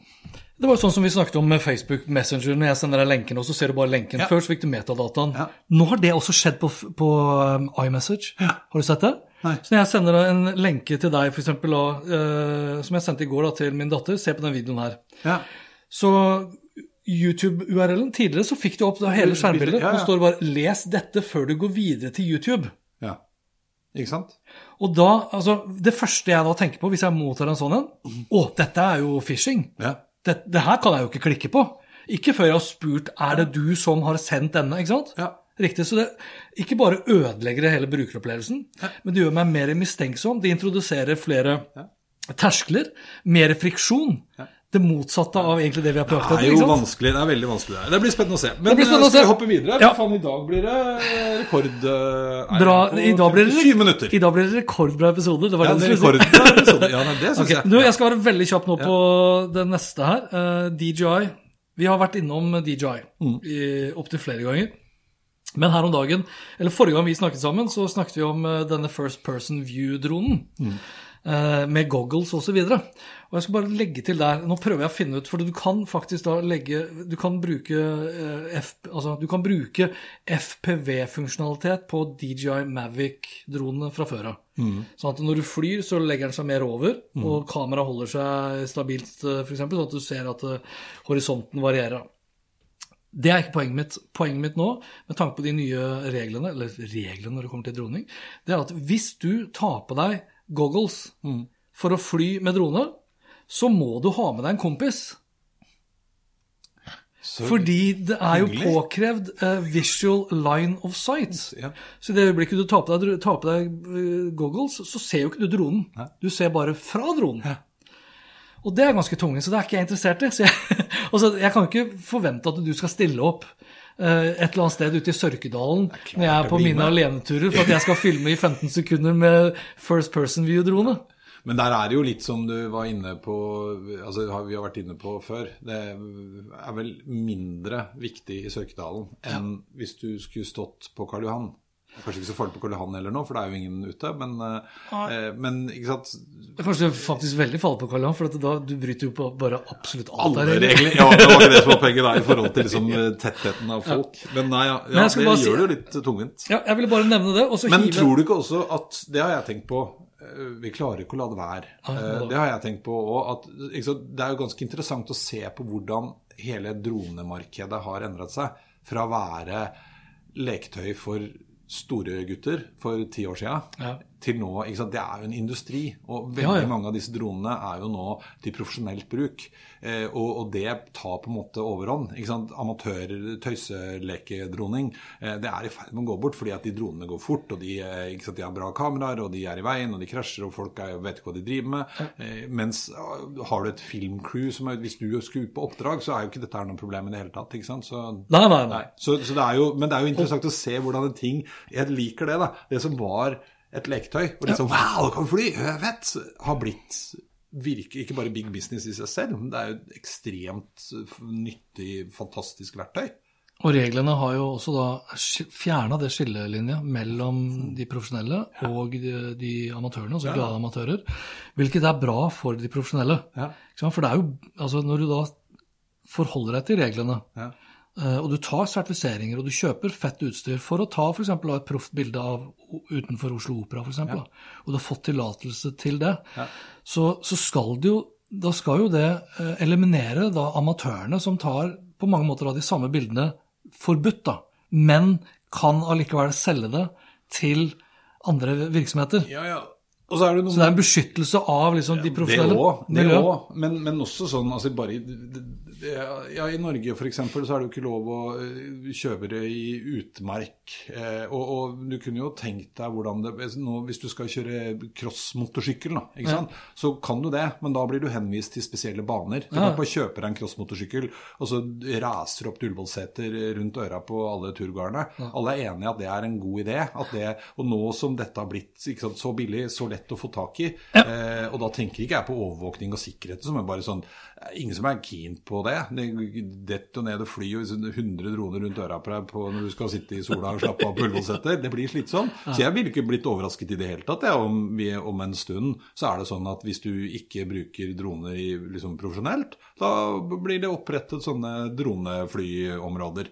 Nedlagte flyplasser. Da får du dra dit, så kan du leke med drone og holde på med konkurranseflyving og EU har jo sagt at de ønsker å innføre uh, muligheter til å identifisere dronene du ser, på samme måte som du bruker eh, sånne airplane spot-funksjoner eller apper, hvor du kan se akkurat det flyet, eller f.eks. av båter. Ja, sånn ja. at du kan se akkurat og det er det ikke så rart, det. Og jeg skjønner at jeg syns òg det er dritt, for jeg syns det er kjempegøy innimellom å flikke opp den dronen og fly rundt omkring og se på huset mitt ovenfra og sånn, men, Mm. men det er noe med noe antallet eh, og så videre og så videre. Så Altså Da jeg var ute bare si det kort da, da jeg var ute her for kort tid siden eh, for å sove da på snø På i ja. telt. Jeg har aldri sovet i telt på snø. Eh, da var, var jeg ute i Sørkedalen. Og da passet jeg på å ikke gå så langt opp mot oppkuven at jeg ikke hadde lov til å drone. Og da er, det ikke, liksom, da er det ikke de klassiske reglene om 150 meter nær bygninger etc. Da er det jo Miljøverndirektoratet, altså Oslo bymiljøetat, med da forskrifter for verna områder. Så da la jeg meg på nedsiden, sånn at jeg kunne Og så var det dritkjedelig å drone likevel. Men ok, jeg har forholdt meg til alle jo, men disse så kan du tenke reglene. deg alle de som er innom DJI-butikken eller andre butikker i Oslo og kjøper seg en eller annen drone i julepresang til poden. De, de kan ingen av de reglene. Mange de veit ikke engang at det ikke er lov å fly i Oslo sentrum, eller i, der de bor. Når jeg legger ut sånne videoer, så blir det er enkelte mennesker som blir veldig sinna på meg. Ja, ja, det skjønner jeg. Og når jeg sjekker opp hvem det er som har vært veldig sinna på meg, så er det jo de som har lagt ut ganske mange ulovlige Dronebilder, ja, ja, ja. på YouTube. Men sånn er det jo. Eh, Så det tenker jeg at eh, Skal jeg bare ta livet av en sak til her først? Ja, Eh, For vi har jo vært så himla på disse eventene i det siste. Ja, ja. Eller kanskje mest av alt eh, meg, da. Men vi har jo mast mye om Apple-eventet. Vi sa jo her på, i mars at vi skulle liksom møtes uken etter, for da skulle jo mars-eventet skje. Og så fant jeg jo da ut i ettertid at det ble det jo ikke noe av, for det var jo bare et rykte som Apple sjøl hadde satt ut. Og så trodde vi at det skulle komme et eller annet i juli Nei, juli, sier jeg, nå skal du høre. eh, I april.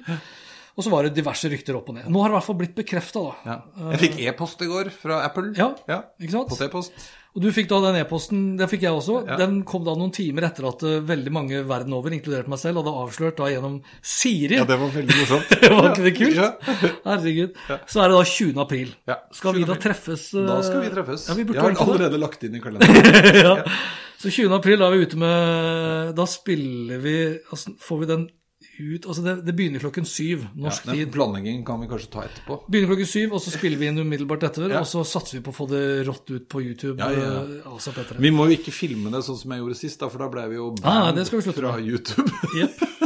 Eh, Dagen etter det eventet så har Facebook et eget Oculus-event. ja, det er gøy. Så da er det kanskje Kanskje det er i Oculus òg? Det vært kult. Ja, det skal være på De sa det i hvert fall de skal kjøre det live på Facebook, YouTube og Twitch. Så jeg antar at det ikke Men du kan jo sjekke ut det, da. Du har jo Oculus Quest 2. Sikkert lansering av kanskje tre, Mm. og diverse andre ting. Ehm, Gøy. det er gøy. Og så er det jo da WWDC 7.-11. juni. Det blir jo gøy å få med seg. Og F8, altså utviklerkonferansen til Facebook, den går 2. juni. Du 7. til 11. juni, hvis ikke verden har gått helt eh, bananas, da. Da hadde det nesten vært gøy å lage sånn, eh, sånn eh, dagsoppsummeringer. Det kunne vi kanskje gjort da, ja. Veldig fint at vi sitter Det er bra det ikke er live. Det Det jeg er ganske sikker på, er at det gidder vi ikke. Fordi for oss, da, som ikke er utviklere, så tror jeg det meste Ja, det av det er vi har lyst til å snakke om, er skjer da den syvende. Ja, det er sant. Er ikke sant? Men det jeg har lyst til å komme tilbake til i en senere episode, Ja. det er uh, mangelen nå på teknologi, altså på chipper og diverse komponenter nå. Mm. En ting er Suezkanalen og den båten som sto støkk der i et par uker. Hjalp ikke på leveranse, det heller. Mm. Men sånn jevnt over nå, av pandemien Mm. og pga. handelskonflikter osv., så, videre, så begynner det faktisk nå å bli manko på ganske mye teknologi. Én ting er liksom alle som skal utvinne kryptovaluta og alt det strømforbruket der. uh, men det går utover eh, telefonprodusenter. Man begynner å snakke om at iPhone 13 kommer til å bli forsinket eh, med kanskje uker og måneder. Apple har vært kjent for å være veldig gode der. Men jeg ser jo jevnt over nå, så er det vanskelig å få tak i ganske mye. Bilprodusenter også, som sier at de ikke klarer å få ferdigstilt nye biler fordi de altså- mangler småting. Tenk deg hvor mange steder òg, i forhold til altså bare hvor sånne komponenter nå plutselig er, hvor det ikke var før. Ja, ja. Det var jo ikke ikke sant? sånn eh, greier i biler for Nei. 30 år siden. Og da når du drar inn da IOT, da, Ja. Som vi er bare i starten av. Men det her er litt gøy, vet du, fordi jeg husker når jeg kjøpte min første PC Ja. På 90, begynnelsen av 90-tallet. Nei, du må ha kjøpt det på 80-tallet, vel? Nei, jeg var kommandore 64-fyr, og så hadde jeg litt pause. Ja, men nei, Det er jo PC, det er en personlig datamaskin. Ja, ja, det var det jo. Men eh, jeg hadde vel faktisk ikke Er du på IBM-PC? er det det? Nei, for da var det sånn, du kjøpte jo Jeg hadde en venninne som jobbet eh, i en bedrift som bygde PC-er. Ja. Det var jo veldig vanlig Ja, ja. eh, da. Vi hadde mange norske Og da husker jeg, for jeg hadde bestilt PC, eller jeg hadde snakket med henne om at jeg skulle kjøpe meg PC. Jeg husker ikke akkurat når det var, men det var en periode, da var det primært to RAM-brikkefabrikker, Ja. minnebrikkefabrikker i verden, og den ene brant. ja, stemmer det. Og da gikk jo minnebrikkeprisene helt bananas. 2, 93, 94 Ja, og da var det sånn, da gjaldt det, altså da måtte du ringe og spørre, for det var dagspriser på RAM, men hun hadde liksom, jeg har satt til side en maskin for deg. Sånn at jeg fikk liksom, så Det er greit, jeg snakka med sjefen i Ornix, fordi de prisene For de hadde jo ikke sant, lagre. De tjente jo masse penger på maskiner de hadde kjøpt inn tidligere, som de hadde minnebrikker i. Det var jo helt ko-ko. Jeg gikk på dataskolen, og da hadde jeg et par kompiser som da booka flybilletter til eh, Asia. Hæ? Og kom tilbake med fulle bager av minnebrikker og tjente ganske gode penger Og det er så deilig nerdete! Ja, det er det. Smugla Du trenger Det var sikkert ikke noen grenser heller? På mange Nei, på den tiden der så var det ikke noe Ja, det er kult. Ja, nok om det. Ja. Har jeg mer? Har jeg, uh, Du ja. har uh... Du, ja, jeg bare hadde lyst til å p- veldig kjapt pense innom Vatle. Jeg tror det uttales Vatle, men det er snart ferdig. Det var et smarthjem Ikke Blokk. Vatne, men, Nei, Blokk Vatle. Eh, tingene som jeg skulle teste. Fått en hel haug av det. Mm. Eh, og så hadde jeg litt mye annet å gjøre og fikk ikke gjort det. Nå bytter de navn til Heimgard. Så appen er oppdatert. Eh, og når jeg først fikk fot, så gikk det ganske unna. Og da må jeg jo skryte litt av. Altså, det er veldig lett, og det, det som var fint her, er jo at de har vært veldig opptatt av sikkerhet, blant annet. Da. Det er jo liksom en av fordelene. Eh, de hadde ikke kommet så langt som jeg trodde. Altså, de, det er jo basert på samme standarden som Hue, f.eks. Så det er en av de tingene som kommer, at du da etter hvert skal kunne eh, linke til flere eh, andre smarthustjenester. Altså, Heimgard er For det første så får jeg jo assosiasjoner til eh, Island og øl. Ja. Men hvis du tenker av heim hjemme Mm. og gard Det er jo gård, men det er også gard. Det er Ja. vokte. Ja. Det er jo genialt navn. Ja, det er kjempekult. Jeg synes det er kjempekult, faktisk. Og det er akkurat det som er poenget. Så jeg har veldig store forventninger til dem. Jeg skal ha noe, følge de opp litt. Jeg har veldig store forventninger til dem nå. Jeg tror de kommer med mye kule ting. De trenger jo å brushe opp den appen sin litt og få det enda litt smoothere. Eh, men det som er kult, er sånn som nå, så har jeg f.eks. Et overvåkningskamera eh, som står oppå der. Hva er det du ikke har? Ja, ikke sant? Og det kan jeg jo da fjernstyre eh, når jeg ikke er her. Mhm. Kan jeg gå inn og Det kan styres rundt og panne og ordne og fikse. Veldig morsomt. Uh, alltid litt sånn skummelt, for det er så gammelt hus. Jeg har tenkt på noen ganger hvis jeg går inn her sånn sent på kvelden, tenk om det er et spøkelse. Det var gøy. Hei, hei, hei, hei. Og så har jeg nå en sensor eh, Tror bortover du på døren. spøkelser? Nei, jeg gjør vel ikke det. Men du har litt lyst til å tro på det. Jeg har litt lyst til å tro på det. Jeg pleier å si at uh, min uh, Altså, jeg er jo helt sikker på egentlig da at svigerfar uh, For vi har en sånn gardin som stadig vekk rører på seg hjemme hos oss. Det er jo fordi det trekker i det gamle jævla huset. Men jeg pleier å si at det er svigerfar som Han er der og passer på. At alt er på stell. Jeg drev og sa det til barna da vi var små. Så det er alle enige om. Ja, han er bare snill. Det er ikke noe problem. Ja, men en sensor der. Jeg har en temperaturmåler og fuktmåler og en røykvarsler et eller annet sted. Der oppe, Ja, begge to står opp der oppe. Og det du da kan gjøre, også en smart eh, sånn kontakt eh, vet du, som du setter i kontakten Ja, ja. å skru av på strømmen. Og den ene tingen jeg har laget nå, for jeg har jo alle ovnene her er jo på nettet fra før og styres automatisk og termostat og tidsmessig og tjo og hei, men jeg har én sånn ekstra ovn som jeg bruker når det er ekstra kaldt. Og det jeg har gjort nå, er at hvis temperaturen nå er under 20 grader i rommet her, i midten, så skrur den på strømmen, og da skrur den ovnen seg på. Og hvis da temperaturen her blir over 20 grader, så skrur den seg av. Og det funker faktisk jævlig bra, for at de som jeg har langs vinduene her, i dette gamle huset, så trekker det sånn fan med vinduene. Ja, så den ville du stått på hele tiden? Ja, for der må jeg drive og liksom, Hvis jeg har lyst til at det skal være sånn røftlig 20 grader i rommet, så kan ikke de ovnene stå på mer enn 19. Nei. fordi at eh, hvis det trekker litt ute, så står jo de og brenner som bare faen. Du har jo ofte kommentert at det er litt varmt her, Ja. særlig om morgenen. Fordi om natta så skrur ovnene seg ned. Og så skrur de seg på klokka sju, og da er det jo kaldt. Og da gønner de på. Sånn at når du kommer hit klokka ni da, så kan det være litt varmt før det roer seg. Så, men det der syns jeg funker. Virker eh, For en mer bærekraftig fremtid. for en mer bærekraftig ja, også, For jeg fikk jo sånn handplugg-ting vet du, til eh, sikringsskapet. Ja, ja, ja. Så det har jeg. Ja, og der, der tikker du inn nå, kan jeg se hvor mye jeg bruker til enhver tid. Og den deler jo opp i kategorier òg. Og det er jo det som er kult. Ja. Altså Plutselig så er liksom strøm og energi er litt sånn Gøy. sexy. Ja, det er litt gøy og litt sexy. Og eh, samvittighetsfullt. Ja. Det er jo det det Ja, ikke sant? ja, og der har det jo ikke sant? Jeg vil jo tippe på og tro også at disse her òg tenker på et form for åpenhet mellom det og Tibber, f.eks. Ja. Som har samme greia, som da gjør at du kan sette på elbilen din til lading, så lader den når strømmen er billigst, mm. f.eks. Og jeg ser jo altså eh, her er det jo enorm svingning. Jeg bruker jo nesten ikke strøm om sommeren. Ja. Men om vinteren, nå i vinter, som jeg også har vært der mye, da, eh, så er det ganske heftig strømforbruk.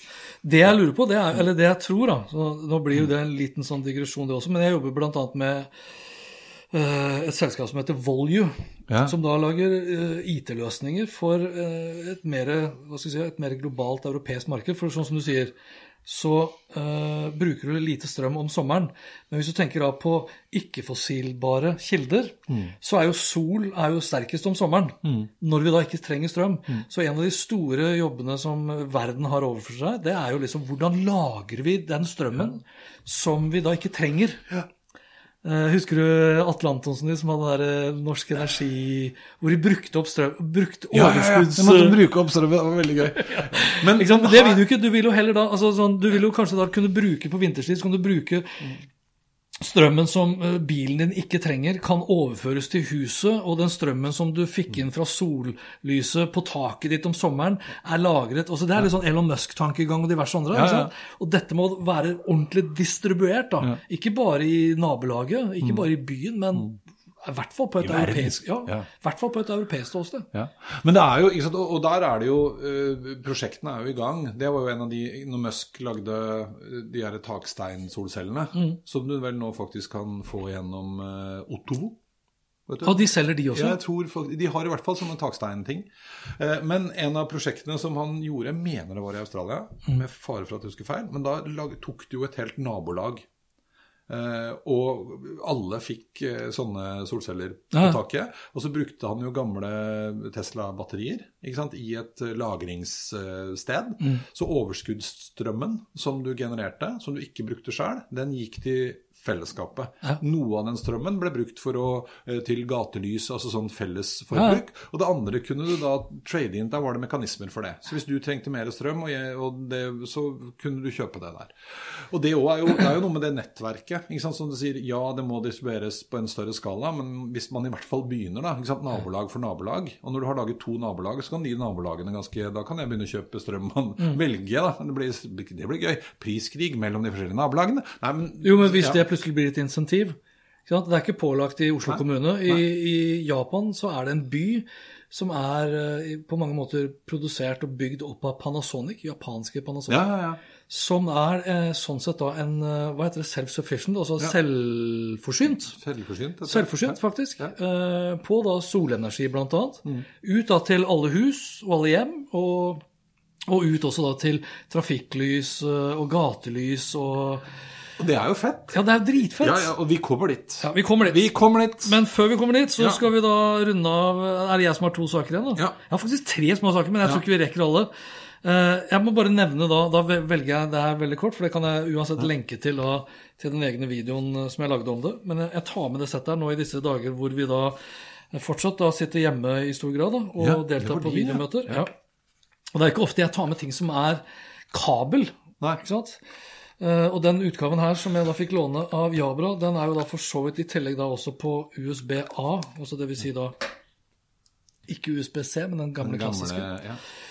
Men, eh, og når vi har snakket om støykansellering tidligere, Ja. så har vi ofte snakket om hvor mye støy kanselleres her. Ja. Når du da sitter og hører på podkaster eller musikk.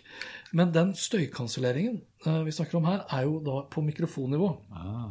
Nå tar vi oss ikke tid til å demonstrere det, men den her veier da 125 gram, så den veier jo ingenting og føles ikke sånn sett å ha, føles ikke problematisk å ha på hodet over tid. Uh, og så kansellerte den jo da noe hinsides. ja, jeg så det. Du så den videoen? Ja. Hvor jeg la på Jeg simulerte da Helt med rått, står det her. Helt rått. Helt rått, ja. Helt rått. Men, og, jo, men prisen her òg er jo spennende, da. Ja. For hvis du jeg, jeg skal få testet også ut en tilsvarende utgave som da er trådløs. Men da må du plutselig liksom opp i 2000 pluss. Ja, så veier den vel mer, da, for det er noen batterier. Da er det batterier, ikke sant? og så er det Bluetooth, sender og mottaker osv.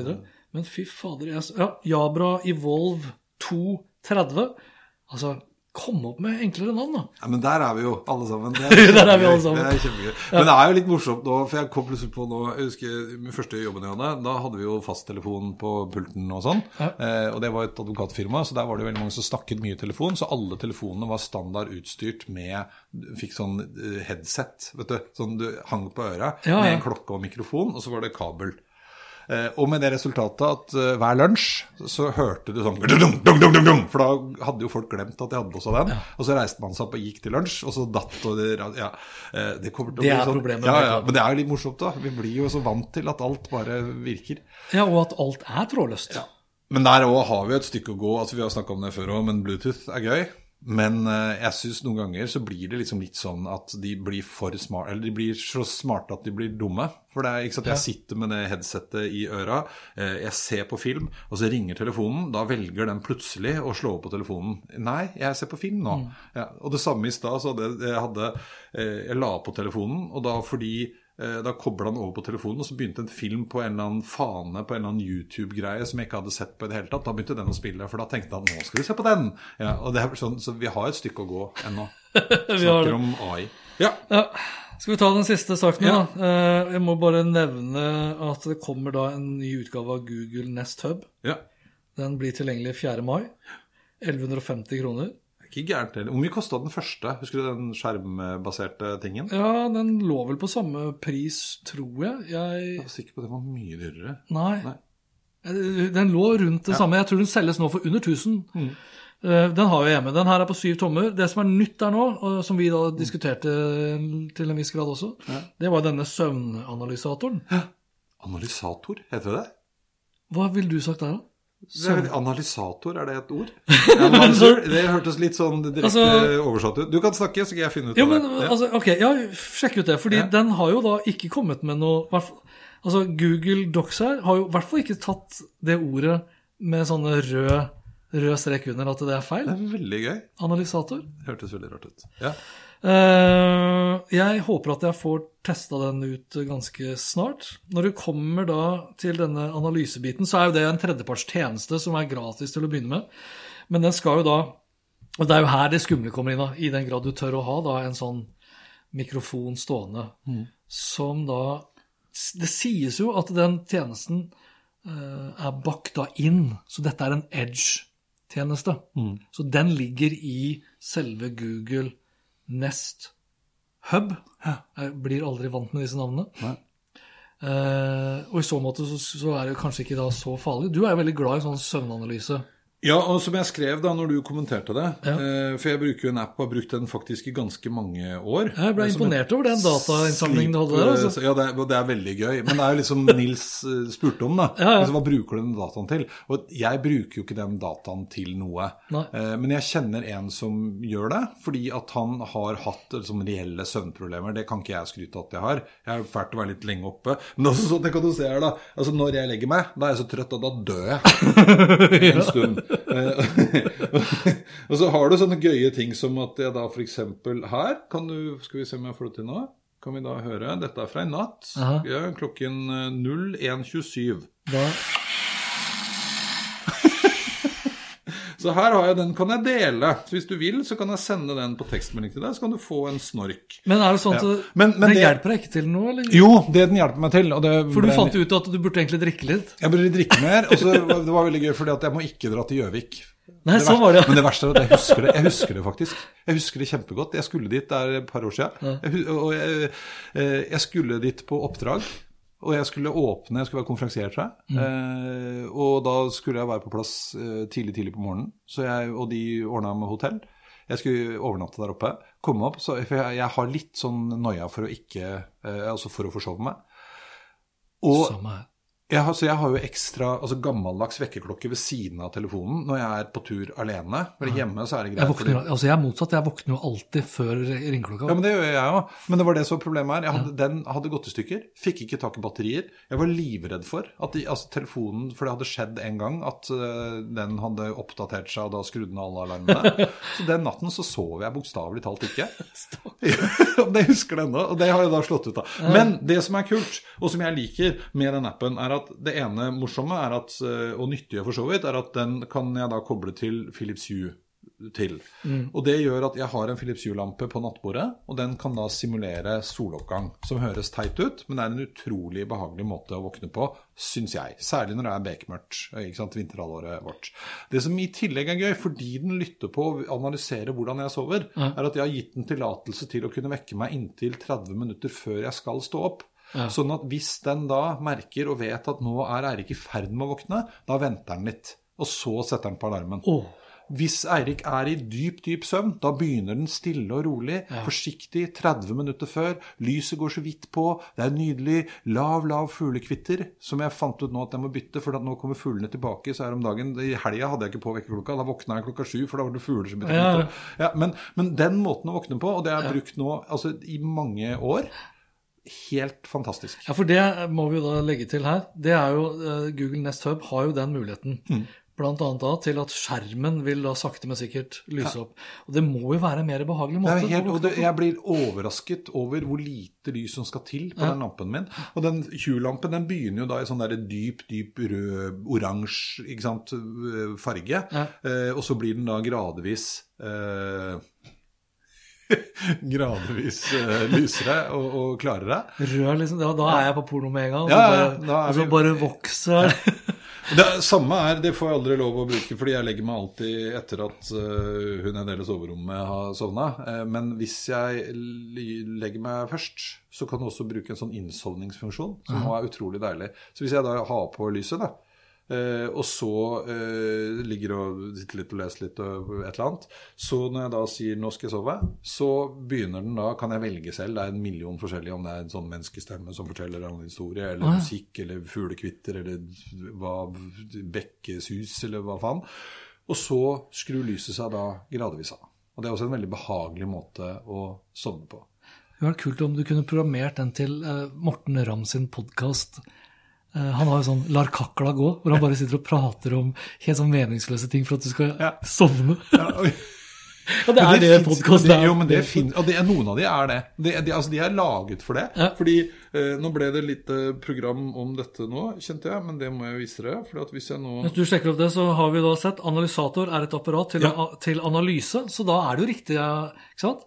Ja, Til analyse, som brukes for å påvise bestanddeler, bla, bla, bla. Men dette er jo da riktig, det jeg sa da. ja, ja Eller det var det-. Jeg så det. jeg så det. Men her har jeg sånne sleep aid-ting. Masse forskjellig. Og da kan du f.eks. ha ikke sant, sånn Evening Shore Altså sånn standardting. Ja, ja. Men det fins også Hva heter den appen du bruker? Det er Sleep Cycle. Ja. Uh, men det fins også sånn her Muscle relaxation Hi, and welcome to this muscle relaxation guide. Og der blir jeg litt sånn, det klarer jeg ikke, for da blir jeg liggende og lytte. Eh, eller sånn dyp, dyp mannestemme. Men det er mye gøy. Jeg liker oppvåkningstingen. Er det sånn ASMR eh, Også sånn, sånn Ja. ja, det finnes sikkert òg. Ja. Jeg blir litt brydd av at de stemmene blir så veldig sensuelle. Fordi du blir Nei, ikke nødvendigvis det. Men eh, det er en som var med en mann nå. Spesielt da når du legger deg før kona, så idet kona er på vei opp trappa, så bare hører hun liksom det er den Tonight, I got a story for you, one that might help you fall asleep. Og det er computergenerert stemme, det der. Det må det jo være. Hei. det blir litt mye. Det blir litt mye. Ja. Ja. The slowest key. Men, Men ja. husker du jeg har snakket om Mubert før? Oh yes. Ja. Jeg bruker Mubert masse. Mubert leverer også til de. Så du har egne sånne Mubert eh, her. Den her. For de som ikke husker Mubert, det er jo da AI-generert musikk i forskjellige sjangere. Det er Mubert. Gratis app i utgangspunktet, Ja. som du betaler hvis du skal ha litt sånn fetere tjenester. Ja. Eh, skal vi, vi må nesten runde av. Jeg, Nå må vi runde av. jeg nevner Google Nest Hub Max, som også er et forferdelig dårlig navn. Ja. Den tror jeg ikke kommer til Norge. altså Den har fortsatt ikke dukket opp. Og det lukter, som jeg skriver, GDPR-issues. For det står her The camera can also identify individual members of the house and show personal information only pertaining to each person. Jeg, jeg tipper, altså, For det produktet har vært tilgjengelig lenge, fordi Google Nest Hub har mikrofon og skjerm og høyttaler og det ene etter det andre. Har ikke kamera. Ikke sant? Mens eh, Google Nest Hub Max har kamera og større skjerm. Og så har du da Amazon Echo Show eh, 10, som er en 10-tommer, tredje generasjon, som ikke bare har kamera og skjerm og det ene etter det andre, men den har jo også da eh, hva heter det, objektidentifisering som kan tracke deg, så den kan jo spinne da 360 grader. Passer jo veldig bra til kjøkkenet. Ja. Jeg syns det er vågalt av Google, som er kjent for å liksom gi fra seg så mye informasjon osv., å lage et produkt spesifikt for soverommet. Nei, du For det var vel egentlig bare vi to som var sånn Ja, dette har vi lyst til å teste. Alle de andre var nei, nei, nei, nei, Nei, nei, nei, ikke faen osv. Nei, men, og, men igjen, da. Ja, vi skal ikke gå der nå. Men jeg syns òg at eh, nei, men jeg bare kom på altså, GDPR, ja, men hvis det blir gjort riktig, så går det jo bra. For så vidt jeg husker, så har jo Verisure har jo noen sånne innekameraer. Og de Verisure-kameraene de kan du lære opp til å kjenne igjen medlemmer av husstanden. En av de Ja. tingene de reklamerte for, var at du da som foreldre kunne se at nå har lille Henrik kommet hjem. Da fikk du beskjed om det. Jo, jo, men det er sånn som du sier, da. Selv om da Google sier altså du, Mm.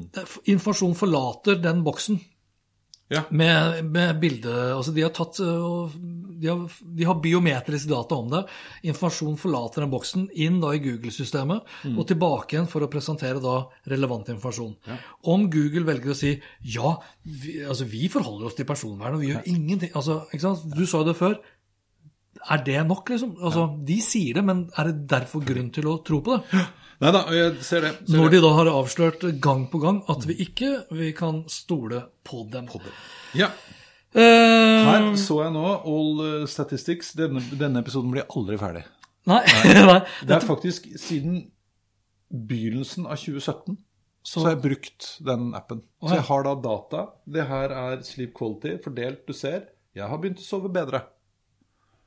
Ok, så jo høyere graf, desto Ja. bedre søvn. Det er jo sånn fru Hansen syns er så kjedelig. Hun har slutta å spørre om det, for hun, jeg bruker den. Hun syns òg for så vidt at det lyset er ålreit sånn, men sånn har du sovet godt da? Ja, i dag har jeg sovet 78% godt. Og jeg merker, Det er faktisk litt dumt, for jeg merker også noen ganger at jeg kan våkne og tenke at ah, jeg har sovet godt. Bare 50 Nei, jeg har ikke sovet godt. Da. Jo, men da er du passe blåst hvis du da stoler mer på dataen enn deg sjøl. Men her ser du grunnen. da. Altså, Jeg la meg eh, i snitt mye mye senere før enn det jeg gjorde Eller mye, mye, det kommer jo an på grafen, men jeg har begynt å legge meg litt tidligere enn det jeg gjorde før. Sånn at det, Når, er- når er det du bikka 50 igjen? Ja, det var rett før jul. Våkner opp mye seinere. Jeg begynte for meg sjæl. Det er deilig. Ja, å, det burde alle gjøre. Sover lenger, legger meg tidligere. Tid i sengen Jeg er altså rett og slett Bruke mer tid i senga? Bruker mer tid i sengen Ja, ja. til soving. Ja, ja, herregud. Ja. Vi skal ikke bli helt eh, komfort. Sleep, sleep after Ja, det varierer sånn Rundt ti minutter bruker jeg på søvn. Sove. Oi! Altså, jeg ligger jo mye lenger på så Ja, våken men, jeg, det er, men det er også fordi at jeg er Ja, men det er også fordi at jeg er ekstremt glad i å være lenge oppe. Sånn at jeg har ofte en time eller to aleine hver kveld. Og, da, og da blir man jo alltid hengt opp i et eller annet. Sånn at når jeg går og legger meg, Da så legger er jeg så trøtt at jeg holder på å dø. Og det er det som er gøy, da, for at du ser jo på de der grafene mine òg at da Altså, det ser ut som en dør. Nesten alle, hvis jeg går inn på Ta Vis det til kameraet så godt det lar seg gjøre. så kan jeg Ja, zoome her har inn. sånn, For jeg syns den er fet. den her, Du legger deg, og så er det bare Ja. Du ser jo alle her, ikke sant? Ser man her? Hvis du holder den litt stødig her, så skal jeg zoome akkurat inn i det der. Ja, Der ser du Eirik legger seg død. Og da går dagen før død. Er det da uh, REM, altså Rapid Eye Movement, er det da man er i dyp søvn? Er det ved rapid Ja, det tror jeg, men er det det ser jo ikke den. Den hører jo på lyd, da. Ja, ja det var kult. Og sånn som fulgte deg, sånn drone, stillegående drone som sto over øya på deg, og bare trekka hvor mye øynene dine For det hadde vært lurere å ha noe på. Men det er jo mye sånn gøye Det er jo mye gøye ting. Det var det jeg tok fram i den der posten. da, For det på Sleep Quality så kan jeg gå inn på More. Og da får du opp sånn, ikke sant Jeg har eh, i snitt 70% da, i all time eh, søvnkvalitet. Eh, mot da Kuwait, som har den laveste, på 65% og Nederland, som har den høyeste, på 81 Ja. Gjennomsnitt i Norge 77% og det her er sånn increased sleep quality og decreased sleep quality og affected by location. Og det var den som var gøy, fordi at på Steinsholt, jeg vet ikke hvor det er engang, der sov jeg pluss 22% bedre enn da i andre enden av skalaen, Gjøvik, minus 47% Men det var den ene gangen, den ene gangen. Så hvor du da ikke sov i det Her kan du jo se 'affected by weather'. Hvis det er rainy showers, det virker da positivt inn. Ja. Uh, og no weather og rain og fog, mens uh, thunder ikke bra. Men den burde jo med all den dataen, da, så burde den egentlig bare kommet opp med sånn Dette er det optimale som skal på plass for Ja. at du skal sove godt. Ja. Affected by the moon.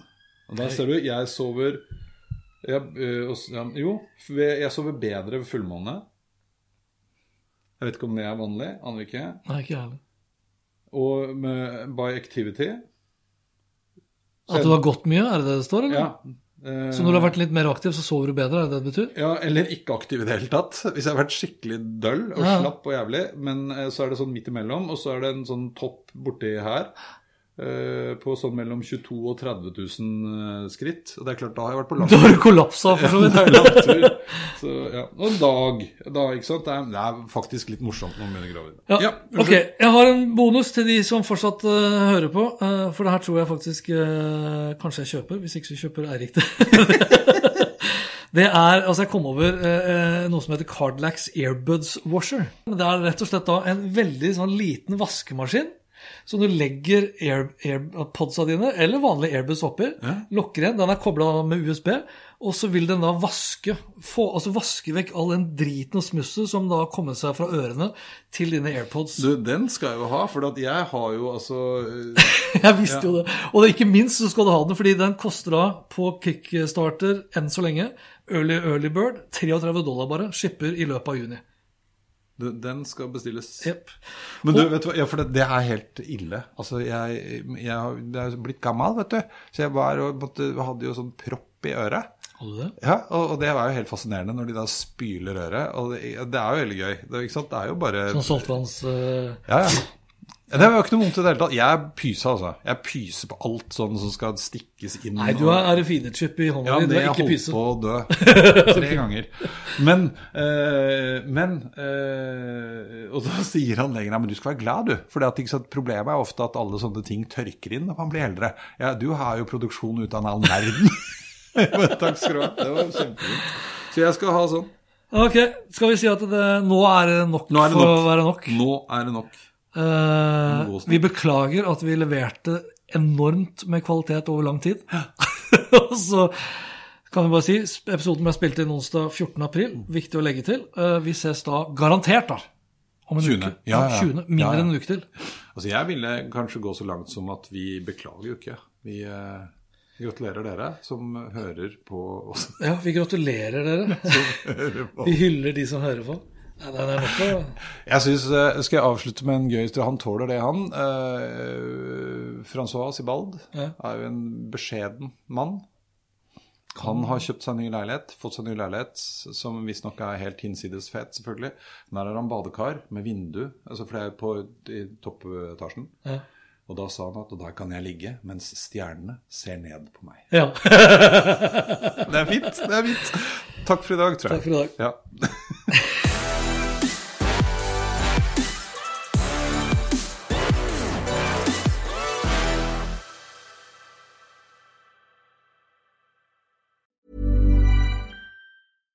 My business used to be weighed down by the complexities of in person payments. Then, Tap to Pay on iPhone and Stripe came along and changed everything. With Tap to Pay on iPhone and Stripe, I streamlined my payment process effortlessly. Now I can accept in person, contactless payments right from my iPhone. No extra hardware required. What's truly remarkable is how I can cater to all of my customers' payment preferences. Whether they're using cards, Apple Pay, or other digital wallets, Tap to Pay on iPhone and Stripe ensure a smooth checkout experience every time.